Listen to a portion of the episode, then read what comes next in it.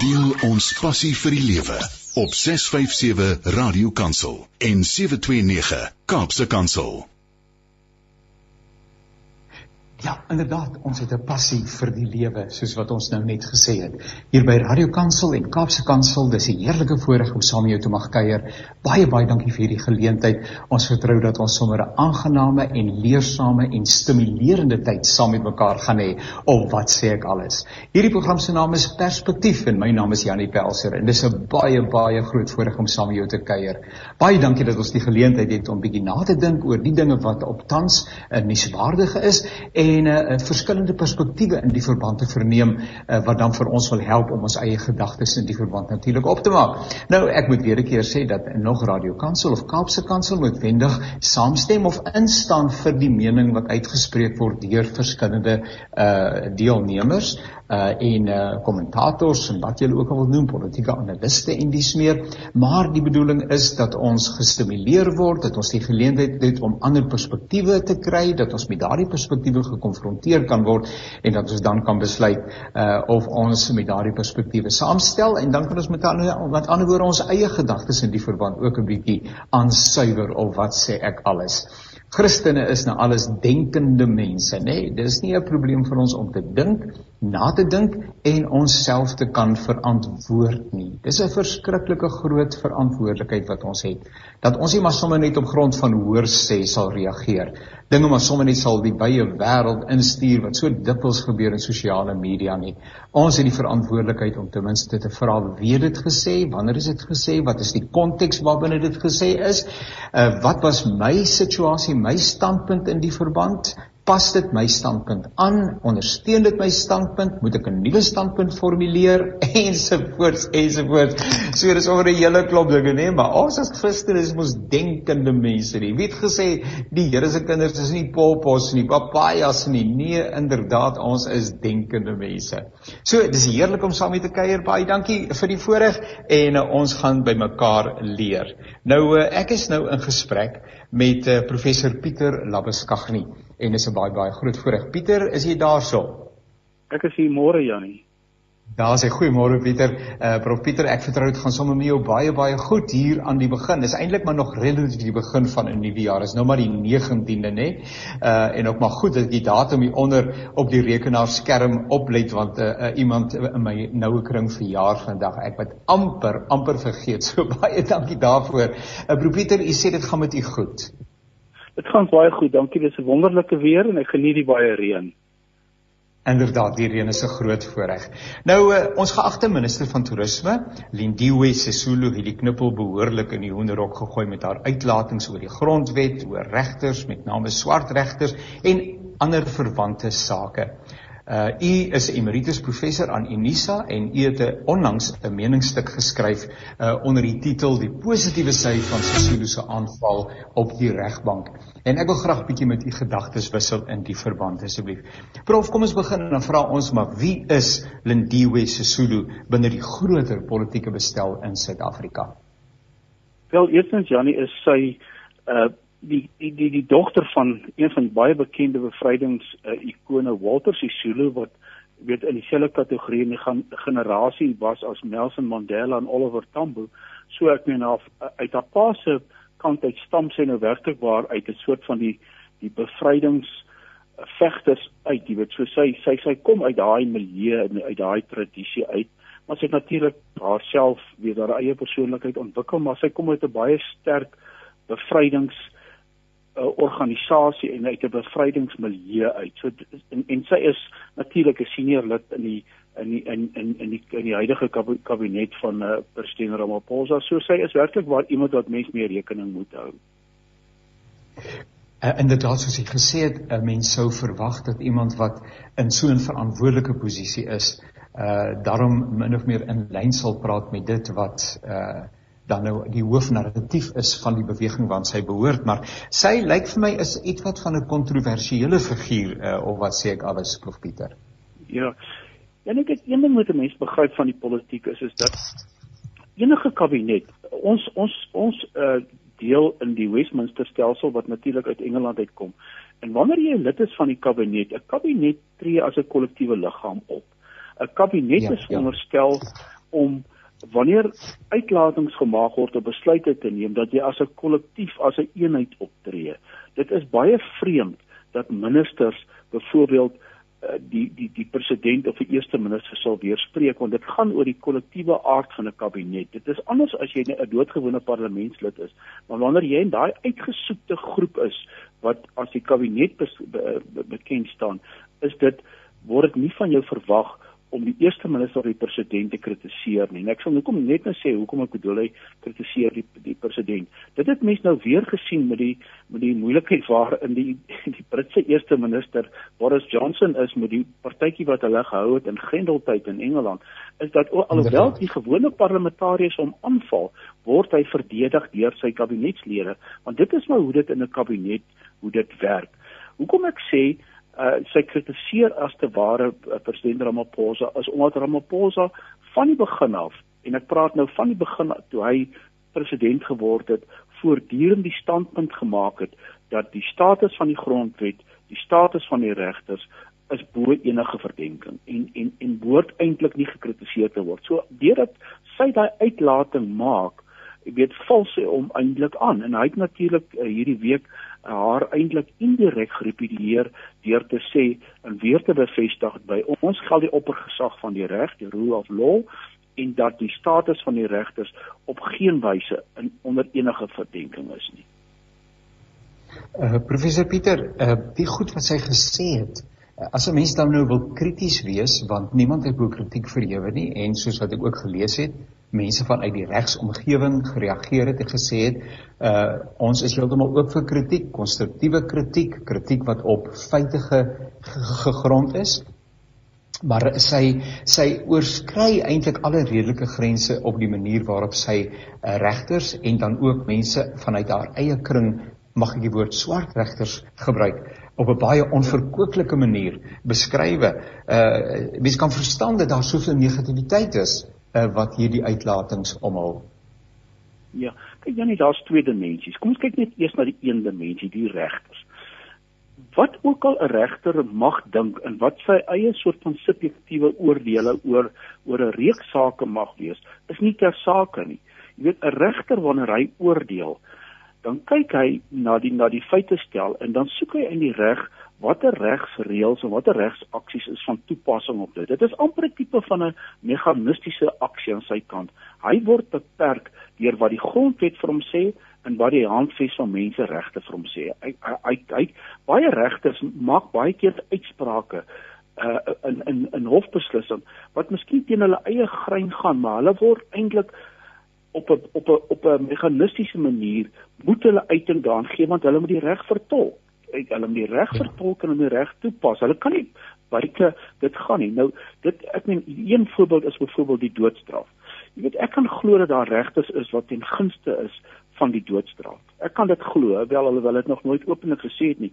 Maar indien hulle die grondwet vertolk soos wat gedoen is met die met die doodstraf uh saak is dis Makanyana uh, kort na 1994 is dat as jy kyk na die handves van menseregte wat 'n klomp dinge waarborg soos byvoorbeeld om nie op 'n eerbied waar on, oneerbiedwaardige wyse gedood te word ensovoorts ensovoorts uh, dat die doodstraf strydig is met die met die ja. met die met die grondwet. Weet dan dan dan gee hulle daardie daai tipe van uitsprake wat ongewild is. Nou wat waar ja. waaroor dit gaan vir Sisulu is en die rede hoekom ek in my artikel gesê het, dis 'n goeie ding dat sy nou na vore gekom. Want die punt is net dood eenvoudig is dat binne in ons huidige politiek tot op kabinetsvlak is daar 'n klomp simpatiseerders wat so sy voel. En dit is baie gevaarlik ja. vir enige politieke stelsel, die mense wat eintlik in die donker skuil en wat agter die gordyne staan en sy ten minste na vore gekom want sy verteenwoordig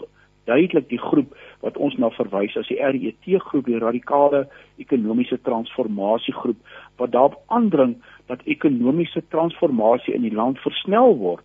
Maar ongelukkig vir haar nou weer die die grondwet en die bepalinge in die grondwet en die beskermings van eiendomsreg staan in die pad daarvan en dit frustreer haar. Mense ja, wat reg ja. in hulle eie na, na hande wil neem, ek noem hulle konstitusionele anargiste. Hulle word frustreer deur die grondwet want die grondwet keer sulke mense om nie net dood eenvoudig reg in eie hande te neem nie. So so watter rol speel die grondwet? Mense beroep hulle gedurig deur op die grondwet. Uh, watter rol speel die grondwet en dan ook die regs uh, omgewing, 'n wetgewende gesag speel dit binne 'n demokrasie binne Suid-Afrika? Absoluut verskriklik belangrik. Ek weet ek het ek het in my artikel genoem dat dit ook wel het, het, het in die 17de eeu al genoem dat 'n grondwet is die manier waarop die nuwe organisasie in die, in 'n land plaasvind. Dit is die padkaart, die roetekaart van 'n land waar volgens waar ons 'n land gestuur word. En ons kan ons het dit nou weer gesien dat uh, artikel 25 en die 2/3 meerderheid wat nodig is om dit te verander natuurlik artikel 25 wat grondbesit uh, uh, beskerm is ek kon nie die die die, die nodige 2/3 meerderheid kry nie. Met ander woorde, dit het nou weer mense soos die Zulu gefrustreer want die punt net is is dat die grondwet beskerm uh, uh, eiendomsreg en dit is baie belangrik dis 'n pilaar van demokrasie. So die grondwet is daar om eintlik in eenvoudig te stel vir ons sê hoe ons geregeer, geregeer moet word en ons te beskerm wanneer daar arbitreëre en eensidedige optredes is. Uh, die uh, uh, uh, waarnemende hoofregter Zondo het homself sterk uitgespreek uh oor die uitlatings wat sy gemaak het. Uh as ek reg gehoor het, die naam reg het, uh, het Tony en Gary daarna gereageer en gesê ag nee wat uh die mense moet groot word. Kritiek is daagliks deel van die politieke omgewing en as 'n mens moet reageer op dit alles. So hy was ewe onverkooklik in 'n sekere sin. Ek dink die woord cry babies is gebruik. Ja. Kom hy uit dieselfde omgewing, die mense wat nou natuurlik krities staan teenoor uh Zondo se uitlating. Ja, natuurlik en Jenny, ons weet, ons weet alles van hom af en van sy verlede af so. Ek neem maar met dit met die sout wat hy wat hy sê. Kyk, Janie, dit gaan nie dood eenvoudig daaroor. Nie dat ons sê dat regters uh, moet verhewe bo kritiek staan nie, natuurlik nie. En ek dink nie hulle hulle sien hulle self so nie. Maar dit gaan ook oor 'n dieper aspek en dit gaan daaroor dat die grondwet wat wat wat wat ons in 1996 kry die finale grondwet is die produk van jare se stryd in hierdie in hierdie land 'n lang apartheidstryd wat gevoer is om hierdie dokument wat internasionaal as een van die beste grondwette in die wêreld beskou word. Dit gaan oor en dit is die probleem wat ons baie keer het. Regters om om 'n uitspraak uitgevoer te kry, het hulle nie 'n polisie mag nie. Hulle kan dit 'n regter kan dit nie afdwing nie. Hy is onderhewig aan aan die uitvoerende gesag en die gewone mense om die reg te gehoorsaam. Wat dit eintlik sê is dat jy moet respek hê vir die reg. Jy moet respek hê vir die regters. Jy moet respek hê vir die oppergesag van die reg.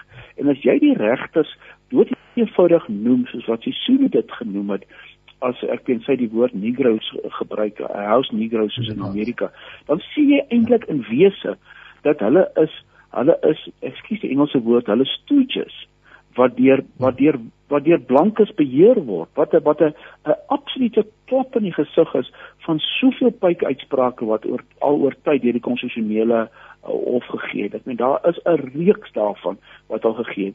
Dit gaan daaroor dat jy nie die basiese respek wys wat 'n mens behoort te wys nie. Ons behoort respek hê vir die oppergesag van die reg en te luister wat die reg vir ons sê, want hulle vertolk waardes wat hoër as ons subjektiewe waardes is. Hulle ver, hulle vertolk objektiewe waardes wat ge, wat gebaseer is in religie en in godsdiens en in universele en 'n uh, uh, natuurreg wat groter as die mens self is. Nou Prof Pieter, miskien het u dit gedeeltelik al geantwoord, maar as ek die twee name uh, noem, uh, is die name in dieselfde geselskap as ons dan nou dink aan uh, voormalige president Zuma en Lindiwe Sisulu, is die mense in dieselfde geselskap. Absoluut. Ja, absoluut. Kyk, as 'n mens as 'n mens sou dood eenvoudig kyk op 'n politieke op, op 'n politieke spektrum links en regs, uh, dit gaan mens natuurlik uh heeltemal regs gaan jy die die die ekonomiese vryheidsfront kry. Jy weet in direk langs hulle uh, kan jy hierdie uh, uh, uh, vinnige transformasie forum kry wat wat wat vir uh, vir revolusionêre ekonomiese transformasie kry. Hulle is eintlik ja. eintlik bedmaats op die oomblik van die ekonomiese vryheidsvegter. En dis die damkring waarin Zuma beweeg. Natuurlik is dit die zam, die damkring waar binne Zuma beweeg. En dit is daai daai milieu. So ek meen wat sy eintlik doen is dat sy skaar haar in wese by die uh, uh, by by by by die ekonomiese vryheidsvegters. Maar maar sy kyk wat mens ook moet een ding onthou is dat sy hierdie uitsprake wat gemaak is het het omtrent saamgeval met die vrystelling van die Zondo verslag, nê? En en ja, en dit het ook in 'n tyd dit het 'n tyd gekom wat mense begin dink dat sy begin om haar eie kandidatuur as moontlik die president van die land te probeer stoot. En dis waar sy die groot fout gemaak het sy moes gewag het as sy nou aspirasies gehad het om president van die land te word tot nader aan die einde van die jaar maar ek het vanoggend gesien dat die ANC in die Noordwes provinsie het haar hewig gekritiseer. So sy het eintlik haar naam groot skade aangedoen as dit haar aspirasies is is in die in die in die toekoms Janie. So ek ek dink wat sy gedoen het, sy het haar eie posisie ondermyn en en en sy het eintlik haar eie posisie verswak. Maar nou is die Noordwes provinsie alweer reeds die eerste provinsie wat hom van haar distansieer.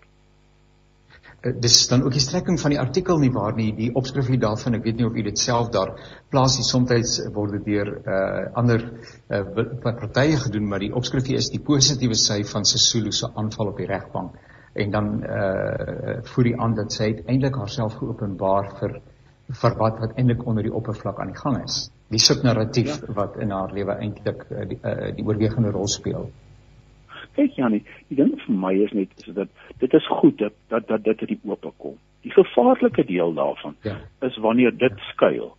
Wanneer dit groei. As dit lewe van sy eie begin. Laat sy uitkom. Nou val haar eie kollegas aan. Nou val haar kollegas in die Noordwes provinsie aan. Nou binnekort gaan sy van die gaan 'n ander kritiek ook op haar wees. Dit is goed dat daai mense na vore kom. Hulle is jou gevaarliker wanneer hulle wanneer hulle skuil. Jy weet ek, ek dink die jammerlike ding van van van van uh, Sisulu vir my is is dat ek dink sy ooit waarlik sy is eintlik in 'n tronk self opgelegde tronk waarin sy vasgevang is in hierdie ideologiese uh idees kyk niemand sê uh, ek sal dit ook glad nie sê dat ons nie probleme in hierdie land van ons het. Ek praat hier van sosio-ekonomiese probleme. Ja. die gaping tussen ryk en arm dit moet aangespreek word. Sy's reg daar in daai mate. Dis 'n dringendheid maar jy gaan dit nie aanspreek deur die grond uit by die venster uit te gooi en links en regs soos die soos die EFF wil hê weet te nasionaliseer en ekonomie onberekende skades aan te doen. Wat jy nodig het is is dat ons ons moet en dis wat die sondeverslag doen. Hy wil hierdie kraan draai waar uit die waar waar uit geld stroom in Suid-Afrika sodat die geld aan die regte plekke gekanaliseer kan word. Daai massas geld, wat ek nie die bedrag van weet nie, maar dit beloop biljoene wat wat gestroop en gesteel is in hierdie land van ons. Wat kan dit nie alles vir armoede verligting in hierdie land gedoen het nie? Dis waar die aandag op moet wees. Nie om verhewe dokumente uh, met met met met status en sy sê die grondwet is nie heilig nie, maar uit 'n sosiale uh, oogpunt, uit 'n sosiale oogpunt is hy heilig. Dis iets waaraan 'n mens nie moet krap nie, want hy's gebaseer soos ek net nou gesê het op godsdiens op universele menseregwaardes wat oral in die wêreld toegepas word. Professor Klop, blyklik het sy ook nie 'n uh, baie mooi, gesonde, opbouende, positiewe watter woord moet ek gebruik, aanbevelingswaardige baanrekord met betrekking tot uh, vorige portefeuilles wat sy bekleed het nie. Ja, nee, kyk, dit is dit dis dis die hele punt.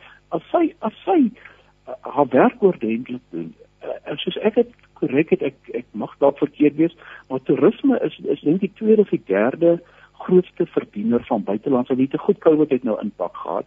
Uh, maar dit is dit is een van ons groot sektore wat geld kan laat vloei na Suid-Afrika toe. Geld wat kan gebruik word deur die staatskas om armoedeverligting te doen. Uh, toerisme is ook 'n werkskepper vir plaaslike bevolking. Dit gebeur dwars oor Suid-Afrika waar plaaslike bevolkings put uh, uh, uh, put uit toerisme uit. As jy eerder haar kling wil plaas om die toerisme te dryf, vriendeliker te maak en beter te maak en meer toeriste te lok na Suid-Afrika, dan kan sy by wat die nuwe wil doen. Ek moet net nie weer dra, dis 'n negativiteit.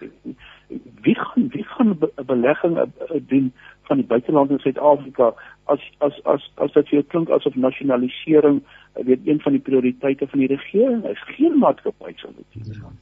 Ja. Prof Pieter twee laaste gedagtes, uh, meneer Ramaphosa ehm um, 'n mens lees tog geraak dat mense soms die verwagting het dat hy 'n bietjie sterker sal optree, dat hy homself sterker sal uitspreek, dat hy selfs aksies sal neem teen 'n persoon soos uh, hierdie uh, wat soveel disloyaliteit vertoon. En tog is hy is hy bietjie op die agtergrond of hoe hoe dink u oor uh, uh, meneer Ramaphosa of is hy hoegenaamd nie bedreig nie en sê ag nee wat gaan maar te kere ek weet wie ek is en ek weet wat ek weet. Nee, ja, nie kyk een ding wat jy weet. Sonder Ramaphosa kom nie verniet uit die vakbond wees uit nie. Hy is in 'n positiewe sin 'n gesleepte politikus. Hy weet wat om te doen. Kom ons kyk net wat het hy gedoen met Ysmakashule. Ysmakashule ja. is geen faktor meer nie. Hy wat, ja, ja. wat hy doen is dat hy volg die grondwetlike roete. Hy gaan nie wille uitsprake maak en mense betuig nie, maar wat hy wel doen, hy het reeds hierdie gesê en dis dis dis eintlik kan mens gesien word as 'n hou in die rigting van sy solo het hy gepraat oor die die regter se posisie geen probleem daarmee nie. Die grond geen probleem daarmee. Nie sterk gesteek en gister van eie komponente die grondwet en die regters. Jy weet hy bevestig dit die reg aan te vat. Maar wat hy wat hy wel baie goed doen is dat kyk sien die sondekommissie Benoude katte maak benoude spronge. Jy gaan sien hoe benoude katte gaan spring nou as hierdie sondekommissie die naaf en en en en en en die vervolgende gesaglike werk begin doen. 'n Kollega van my wat baie gerespekteer het, het altyd gesê, "Ramaphosa is 'n luislang." Hy kom en hy vat sy teenstanders en mense wat verkeer goed sê en hy druk hulle stadig druk hy hulle dood soos wat hy gedoen het met Ysma Bashiri. Hy isoleer hulle, jy weet en hy hy, hy sorg dat die oppergesag van die reg en die optrede van die demokratiese en dis belangrike middele in hierdie land sulke mense uiteindelik op 'n syspoor plaas. Uh, professor Pieter net 'n heel laaste gedagte. Nou gewone mense uh, op straatvlak, Jan en Alleman uh, ons verneem, jy lees, jy hoor van hierdie goeders en so aan. Uh, watter rol speel jy? Bitte mens maar dat daar dat dat redelikheid sal seëvier. Uh, op watter wyse is jy betrokke? Want 'n mens moet tog 'n mate van betrokkenheid hê, maar jy het nie toegang tot al die kanale nie. Wat doen Jan en almal wanneer hy die tipe van uh, goeders daarvan kennis neem? Dan die eerste belangrike ding is is dat Uh, ons sit met 'n syfer waar waarin ek dink wat is ek kan nie meer die syfers korrek onthou nie, maar waar waar minder as 30% van die mense in die land gestem het byvoorbeeld. Ek meen dit is die eerste belangrike taak wat mens kan doen in 'n demokrasie is 'n deelnemende demokrasie. Mense moet betrokke raak. Mense moet betrokke raak deur te stem eerstens en ek dink die tweede belangrike ding is mense moet betrokke raak by burgerregte organisasies. Kyk watter wonderlike werk doen burgerregte organisasies en daar's 'n veelheid van hulle. Ek meen daar's die Helen Suzman Stichting en daar's daar's soveel van hierdie burgerregte organisasies tot by Afriforum in in solidariteit. Watter een ook al jou politieke keuse raak betrokke by daai burgerregte organisasie dat ons die regering verantwoordbaar hou en versterk die hand van middelmatigheid deur vir partye wat vir middelmatigheid staan, gematigdheid staan in die middel van die politieke sektor omdat ons die politieke sektor vir, uh, versterk. Wat mense nie moet doen nie is om wat hulle in Engels sê om om die suburbia terug te trek, weet tot agter die hoë mure te te sit en en, en tyd te verspil met sinnelose, weet baie keer, nie altyd nie, maar sinnelose sosiale media aanvalle. Dit verander niks nie.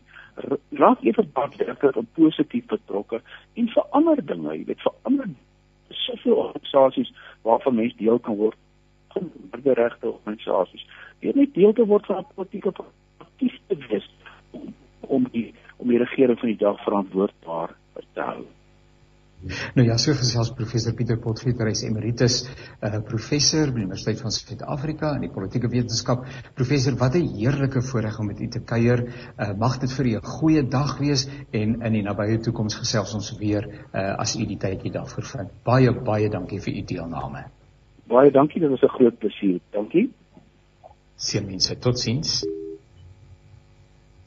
Nou uh, ja, jy luister na programme van Radio Kansel, Kaapse Kansel. Hierdie program se naam is natuurlik 'n uh, perspektief. Ons gesels oor die dinge wat die lewe wêreld van mense raak.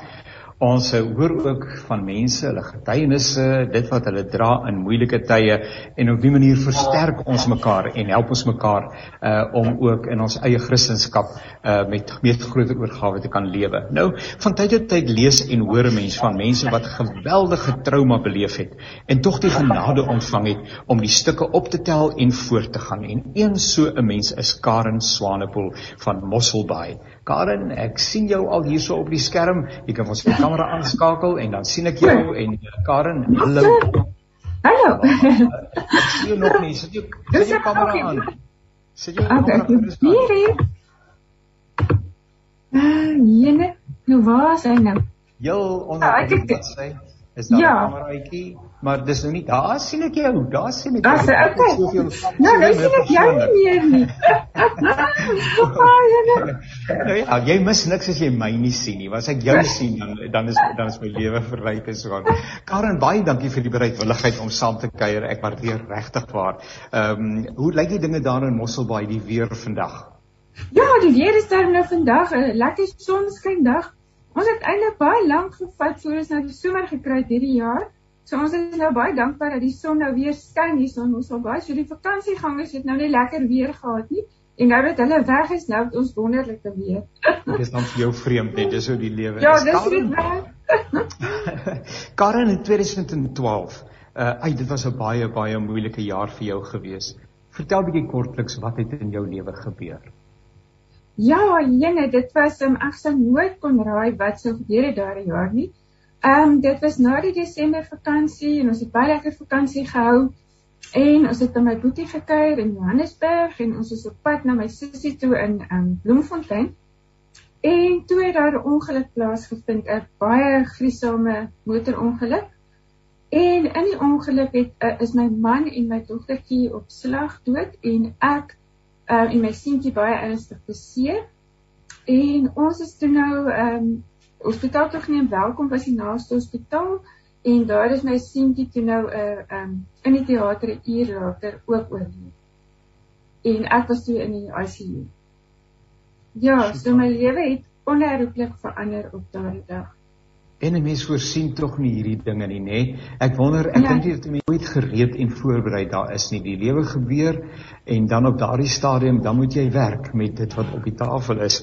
Uh en dit is wat jy ook gedoen het, maar jy was toe nou is in 'n koma en jy het eers later gehoor dat uh jou jou man en die kinders in hierdie kop aan kop botsing gesterf het. Um in retrospek as ek nou dink vandag dink in myself ag en ek kan nie eers begin om myself in so 'n situasie in te dink nie. Uh wat het jou staande gehou op daardie stadium dat jy nie net besluit het maar wat is die sin daarvan om aan te gaan as jy alles verloor het nie? Ja, ek moet sê ek het 'n ongelooflike ondersteuningsnetwerk gehad. So die Here het regtig bestem dat die die ongeluk daar naby welkom moes plaasvind want ek het baie vriende gehad in um, Kroonstad en dan ook in Bloemfontein. So dit het my ongelooflik baie gehelp met elke liewe besoektyd was daar iemand wat my bemoedig en ondersteun het. En ek het eintlik so geliefd en gekoester gevoel op daai tyd. Ehm um, al was ek in die hospitaal en ek was baie gestabiliseer. Ehm um, ja, en die ander ding is ook ehm um, ek was op gebedsgroepe wat ek na die tyd eers van gehoor het. Gebedsgroepe reg oor Suid-Afrika, gebedsgroepe oor see en definitief al daai gebede het my ook die krag gegee vir elke liewe dag wat ek ehm um, moes um, aanpak.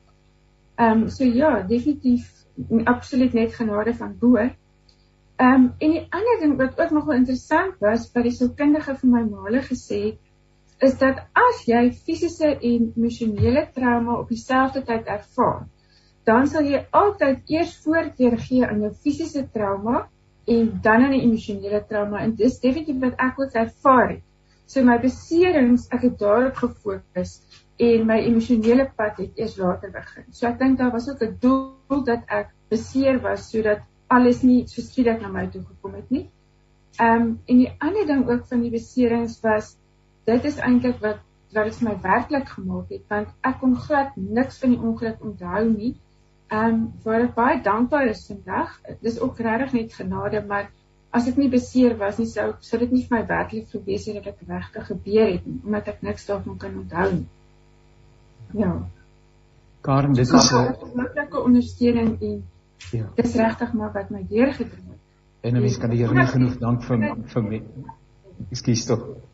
Mens kan die Here nie genoeg dank vir mense wat deel van jou lewe wêreld vorm en uh, vir die empatie en meelewing en omgee en praktiese hulpverlening wat 'n mens in so 'n tyd beleef nie. Dan kom jy ook agter, ek is nie alleen nie, ek is nie sonder vriende nie. Daar is mense wat omgee. Ja. Selfs mense wat jy gedink het het jou lankal vergeet nie waar nie, kom dan na vore en jy kom agter al was dit al. Ja. Ja. En dan besef jy eintlik jou lewe beteken iets vir ander mense. Ehm um, Ja, ek het nie eh, soos ek sê, ek het ook nie besef hoeveel mense eintlik ken mens of soos jy ook sê, ehm um, dan ewe skielik staan almal saam en hulle ondersteun jou. En dan besef jy eintlik die Here het allerlei mense oor jou pad gestuur deur die jare sodat hulle jou kon ondersteun wanneer jy dit sou nodig het. Ja, definitief. Karen, mens bly mens en elkeen se pad loop anders en uh, dit is deel van die lewe. Dis 'n gebroke werklikheid. Ons is nog nie in die hemel nie. Uh ons leef in 'n sondige geaffekteerde wêreld en ons beleef hartseer en trauma. En ons verstaan nie altyd nie. Trouens ek dink ons verstaan meermale nie. Um in hierdie beginfase waarin jy moes probeer om sin te maak van dit wat gebeur het was daar tye wat jy opstandig was kwaad was uh selfs bitter gevoel het dat die Here so iets in jou lewe kon toelaat wat nogal moeilik was, ek was regtig baie ernstig beseer. So ek was in 'n nekstit, ek het 'n nekstit gedra wat ek dag en nag moes dra. En so en die ander ding is my pelvis was gekraak, so ek kon ook nie loop nie. So ek was baie afhanklik van ander mense in daai tyd ook en dit was nogal moeilik. Dit was nogal frustrerend dat jy nie eintlik iets vir jouself kan doen nie. Maar ehm um, ek het besef ook dat die Here my lewe gespaar het. En ehm um, My suster is in 1995 in 'n motorongeluk oorlede op die ouderdom van 22. En ek het besef dat die Here het my lewe verleng. Ehm um, en wat ek ook gedink het is alhoewel ek beseer was en ernstige beserings gehad het, kon ek breinskade gehad het. Ek kon verlam gewees het. Ehm um, ek kon glad nie meer funksioneel gewees het nie. En ek het ook besef ehm um, ek het eintlik of dan my beserings ernstig was, ehm um, het ek besef dat die Here my lewe gespaar het.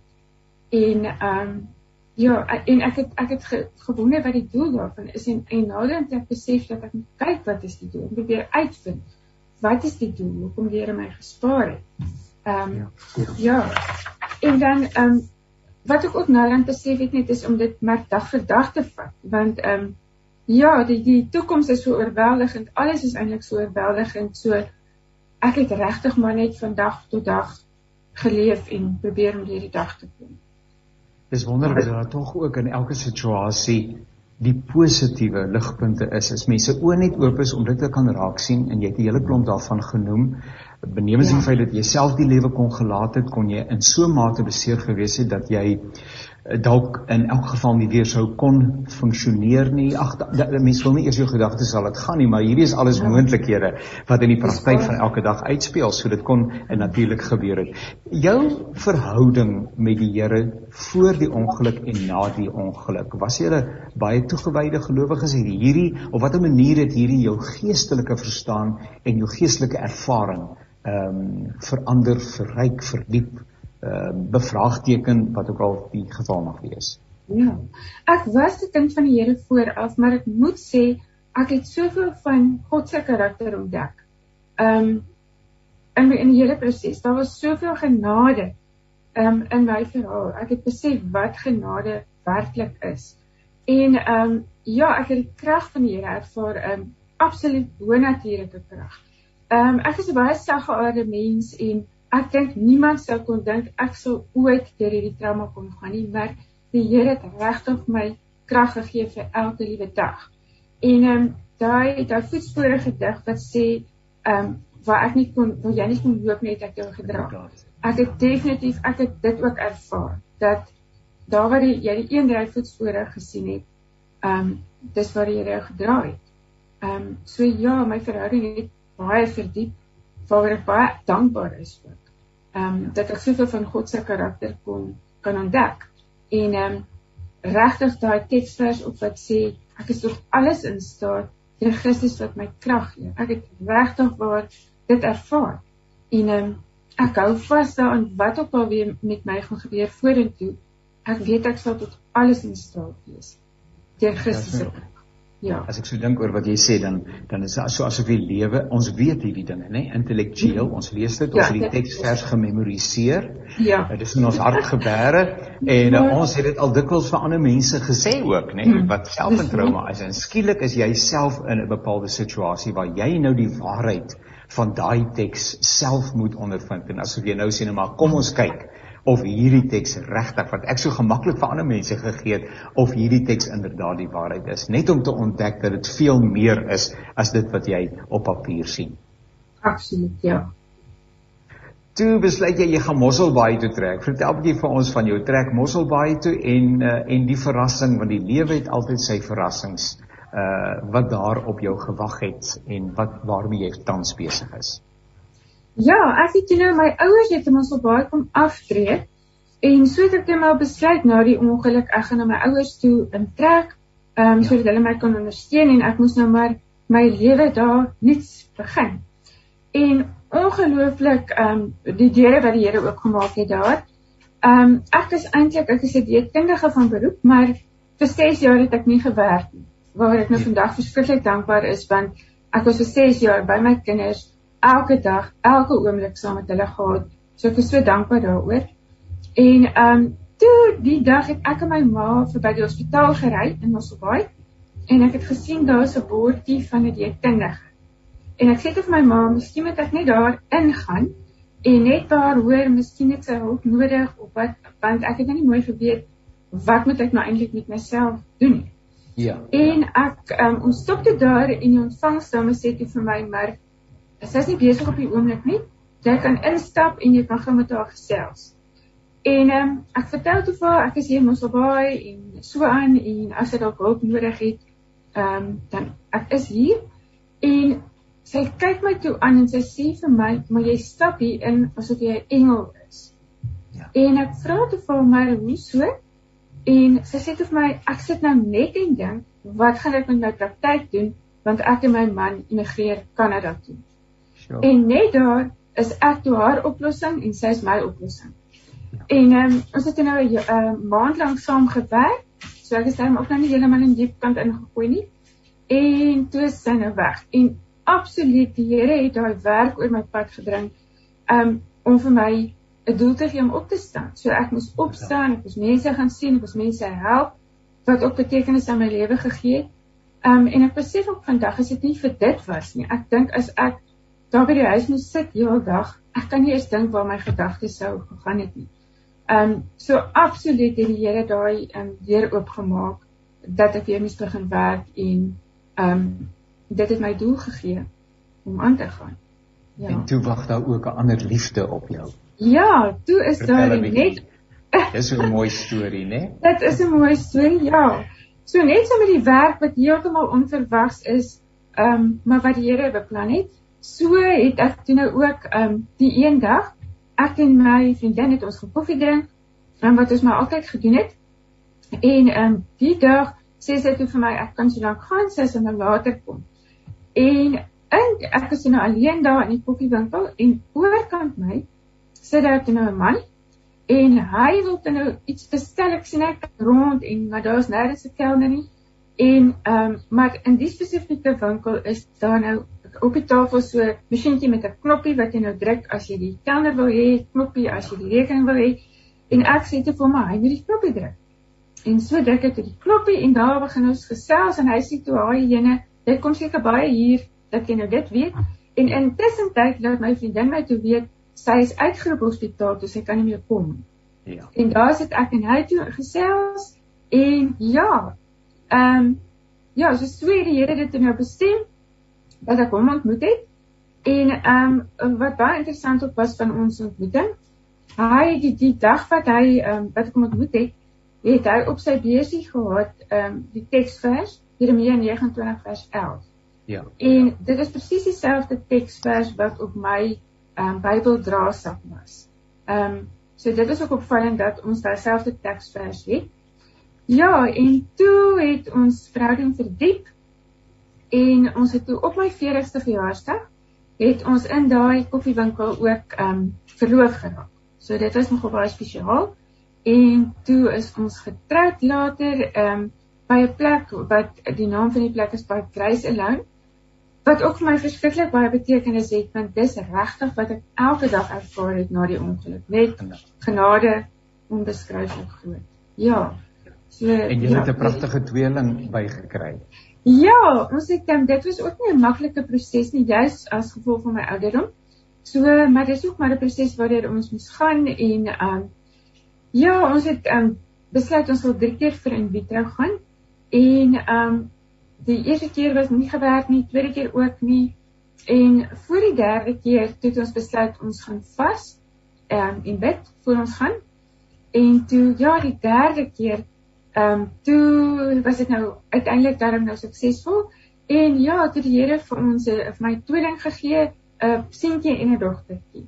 Ja, so ek kon nie vir meer gevra het nie en ongelooflik dankbaar. Ja. Hulle kan dink dat hulle is te pragtig vir woorde. Watter kind is nie pragtig vir woorde nie, nê? Nee, is wonderlik. Ek het gewonder Karen, uh dis goed moontlik dat mense van oor die uh, lengte en breedte van Suid-Afrika, eintlik wêreldwyd, want Radio Kansel Kaapse Kansel saai wêreldwyd uit. Ehm um, deur middel van verskillende platforms, ehm um, dat daar mense mag wees wat self op die oomblik in 'n uh, in die noute is, 'n hartseer situasie, trauma, ag in sy groot verskeidenheid van moontlikhede. Watter woord het jy vir mense wat dalk vandag net voel, nee, ek het aan die einde van die pad gekom en ek sien nie meer kans om aan te gaan nie. Ek sal maar net sê, ehm um, vat een dag in op 'n slag. Ehm um, ja, dit raak net te oorweldigend as jy so vat net elke dag soos wat hy is en ehm um, hou net vas aan God. Ehm um, hy sal vir jou die krag gee vir elke liewe dag. En ehm um, ja, ons lewe in 'n gebroke wêreld en um swaar kry en trauma is maar deel van die lewe, maar ook um mens groei daardeur um en regtig word jy 'n ander mens um na die trauma as wat jy was voor die trauma. En um ook jy kan ander mense beter bystaan omdat jy self daardeur was. Het jy meer empatie met ander mense wat ook swaar kry. En um iets wat ek um uh, iets wat ek raak gelees het wat ook vir my baie beteken het, um is ehm um, dit is iemand wat dit geskryf het. God did not promise days without pain, but he did promise strength for the day. God did not promise laughter without sorrow, but he did promise comfort for the tears. God did not promise sun without rain, but he did promise light for the way. So ehm um, ja, ons jy sal trauma ervaar en daar sal slegte goed gebeur, maar die Here sal jou daardeur dra. En hy sal dit in goeie laat neerwerk. Ehm um, jy het ja, nou so wonderlik. Jy het nou 'n boek geskrywe. Ehm um, vertel ons net gou-gou die naam van die boek. Uh hoekom jy dit geskryf het en waar dit gekry kan word. Ja, ehm um, so die boek is eintlik so na in my hart. Ehm um, die boek se naam is Ek sal weer 'n loflied sing. En ehm um, waar die titel gebaseer is is Psalm 43 vers 5 En die vers sê: "Vertrou op God. Ja, ek weet vir hom 'n loflied sing. Hy is my helper en my God." En daai teks dat ek vers wat die Here vir my gegee het op die roudiens. Ehm um, so dis 'n belofte waarna ek vasgehou het, ehm um, dat ek weer loflied sal sing. En die tweede rede is hoekom ek die boek geskryf het. Die eerste rede was om my getuienis te deel en dan die tweede rede was ook om mense te help wat deur verlies gaan, wat deur die rouproses gaan en ook om raad te gee vir ander mense, hoe kan jy iemand bystaan um ja. wat wel deur die rouproses gaan. Um ja, so dit is nou uh, min of meer in kort waaroor my boek gaan. En dan um die boek is beskikbaar. Ja. O. Die praat gerus waar kan dit gekry word? Op my op my webwerf en dit is www.loflied.co.za. So daar is 'n aanlyn winkel en dan jy kan ook dit middel van WhatsApp bestel en my WhatsApp nommer is 082 564 7270. Jy kan hom weer 'n keer sê. Die WhatsApp nommer. Uh, my my WhatsApp nommer 082 564 7270. Karen Swanepoel van Mossel baie baie baie dankie vir die bemoediging uh en vir die wyse woorde wat jy gespreek het. Mag jy die keur van die Here se seëninge beleef van dag tot dag. Vriendelike groete aan Manlief en druk daai twee kleintjies asseblief namens al die luisteraars van Radio Kansel en Kaapse Kansel en vertel vir hulle dat hulle geliefd is en baie baie spesiaal is. Mag die lewe vir jou baie dankie bring. Waardeer die geleentheid. Baie dankie. Seën mense hoor. Totsiens. Dankie. Totsiens. Ja, so gesels Karen Swanepoel, mensdom, die dinge wat mense daarin beleef, maar die pragtige getuienis wat 'n mens daarna verneem, naamlik dat die Here te midde van die moeilikste omstandighede inderdaad gedraai het. Nou ek het nou vir Philip se roe op die lyn en aanlyn. Kom ons hoor net, broer Philip, is jy daar? Goeiemôre Janie. Ja, ek is hier en baie welkom aan jou luisteraars. Dis so lekker om saam met jou te gesels. Ek vertrou dit gaan met jou sommer baie baie goed. Waar bevind jy? O, jy's natuurlik daar in die George Oudtshoorn omgewing, nie waar nie? Ja, Janie, ja, so bedrywig. Ons is hier in die Oudtshoorn, Klein Karoo, Little Jerusalem, Klein Jerusalem soos uh, geprofeteer het oor Oudtshoorn. So ons is hier in die hitte. Ja. Ek dink dit is 36 grade vandag en ons geniet die hitte in Oudtshoorn. Mens dom so dis sommer baie baie lekker warm nê. Nee. Uh Philip, ja. ek het jou iewers raak gehoor toe jy gesels het oor die Oudtshoorn ehm um, is die Christelike Jeugforum nie waar nie. Oudtshoorn Christelike Jeugforum.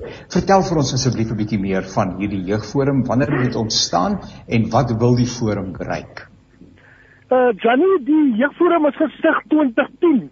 Uh met die gedagte om die kerk jeug te verenig in ons dorp deur middel van 'n jeugweek En uh, ons het onder 'n boom vergader. Ons het besluit maar daar is iets oudsoring nodig om saam mekaar te werk. Daar's iets nodig vir ons jeug waarna ons kan uitstreef en dis hoekom die oudsoring Christelike jeugforum 12 jaar gelede by die Christelike herlewingsentrum deur middel van ons CEO Johnny Baardman in die been op die been gebring is onder 'n boom waar ons gefokus het op jeugontwikkeling en die kerkjeug as sulks die kerkjeug te verenig.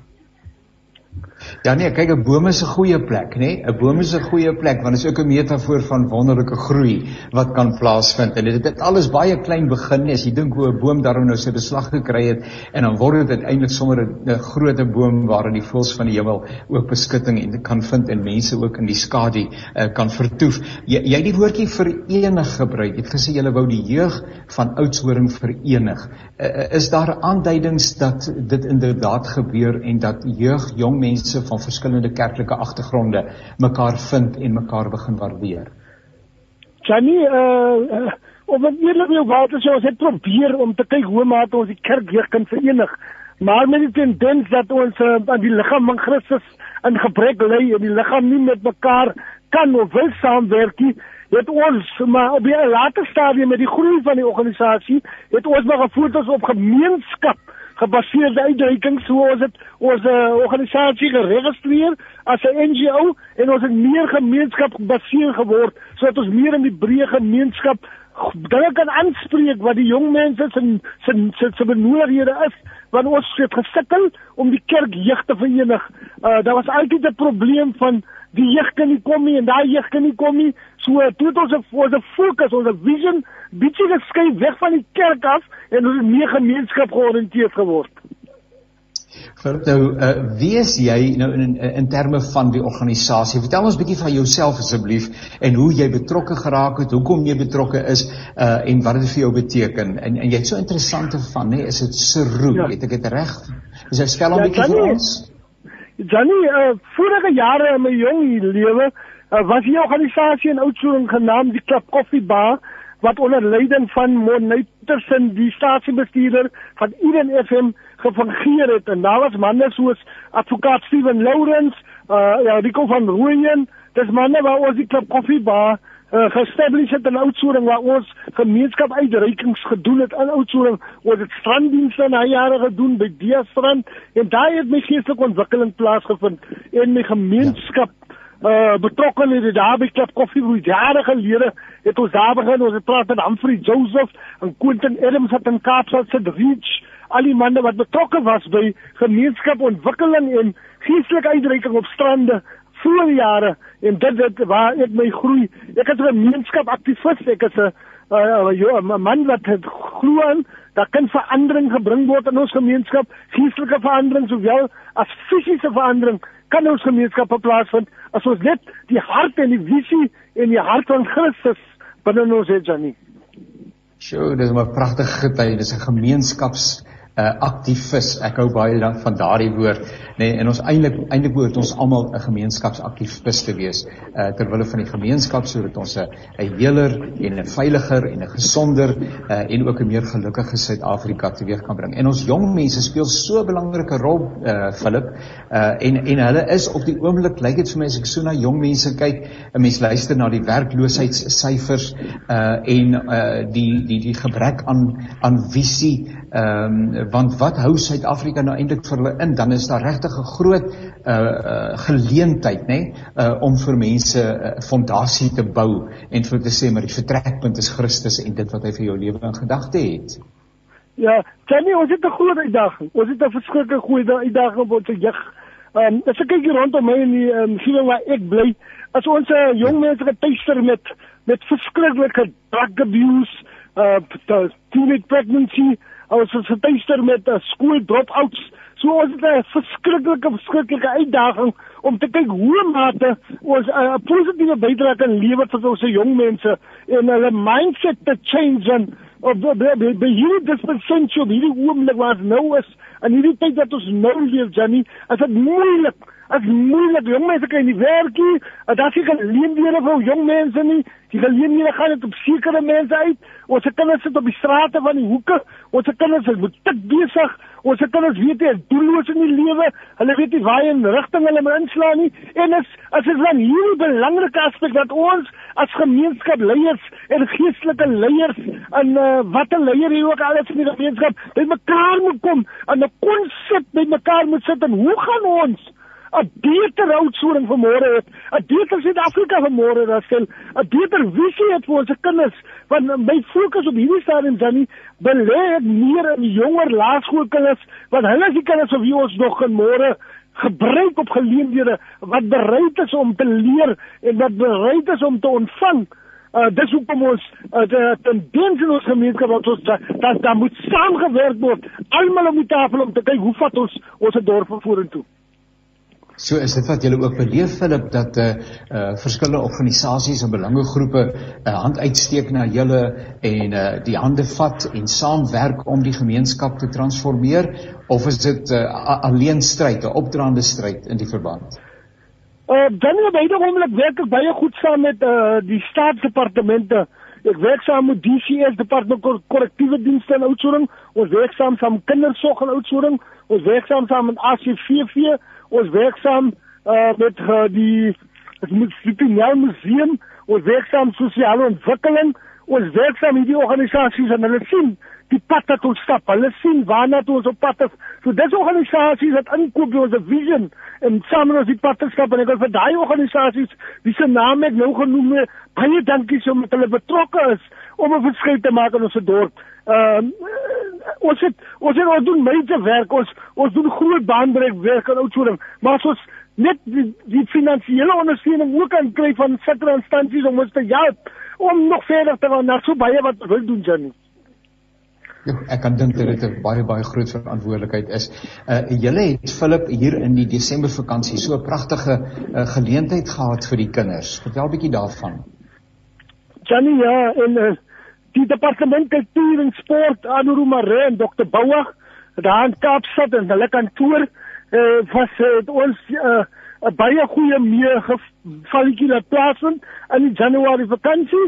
Uh, ons het al aansoek gedoen vir 'n skoolvakantieprogram wat vir 2 weke uitgesit is vanaf die 3de Januarie tot en met die 14de wat baie suksesvol was. 'n Baie suksesvolle program uh, waar ons SABC TV dekking gekry het vir dit En uh dit was regtig awesome. Dit was uh, ek het die bloute verstaan van hoe die sukses van die program, dit was baie suksesvol.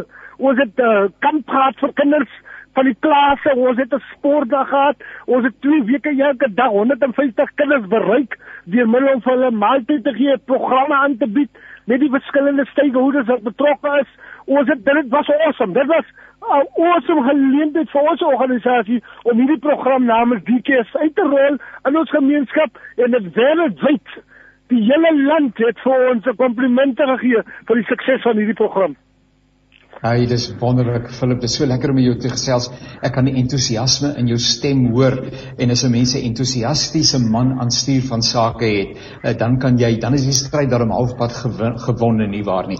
Philip, sê vir my as mense met jou wil kontak maak uh en wil hoor hoe dit hulle betrokke kan raak en ek kan dink dat daar 'n veelheid van terreine is waarop mense 'n sinvolle bydrae kan maak en kan lewe. Ja. En ek wil so tussen hakkies sê ek hoop die kerk, ek hoop die kerk daar in Oudtshoorn hoor ook vir jou en hoor jou raak en ek ja. hoop dat die kerk in sy wye verskeidenheid ook vir julle 'n besonder ondersteuning bied. Maar waar kan mense met jou kontak maak?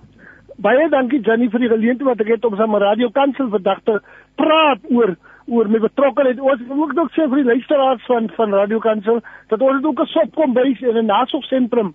Ons elke dag vir bejaarde kinders, vir bejaardes en kinders elke dag programme en 'n maaltyd gee Danny ons het nou op die oomblik ook back to school program waar ons spesifiek fokus op plase rondom Oudtshoorn, so so sekelgat, so later as vlei oor te plaas 50 km uit Oudtshoorn het waar ons ook skoolklere en skoolskoene en sokkies wil gaan oorhandig in die volgende week. Ek wil vra vir luisteraars wat nou luister um, om asseblief in te koop om te saai in hierdie saad saai in hierdie grond, goeie grond. As jy nou luister aan hierdie program, wil ek jou uitdaag om 'n saad te saai vandag in hierdie lewe. My nommer is my my nommer jy moet vir die nommer gee Philip. my nommer is ja. 0799879486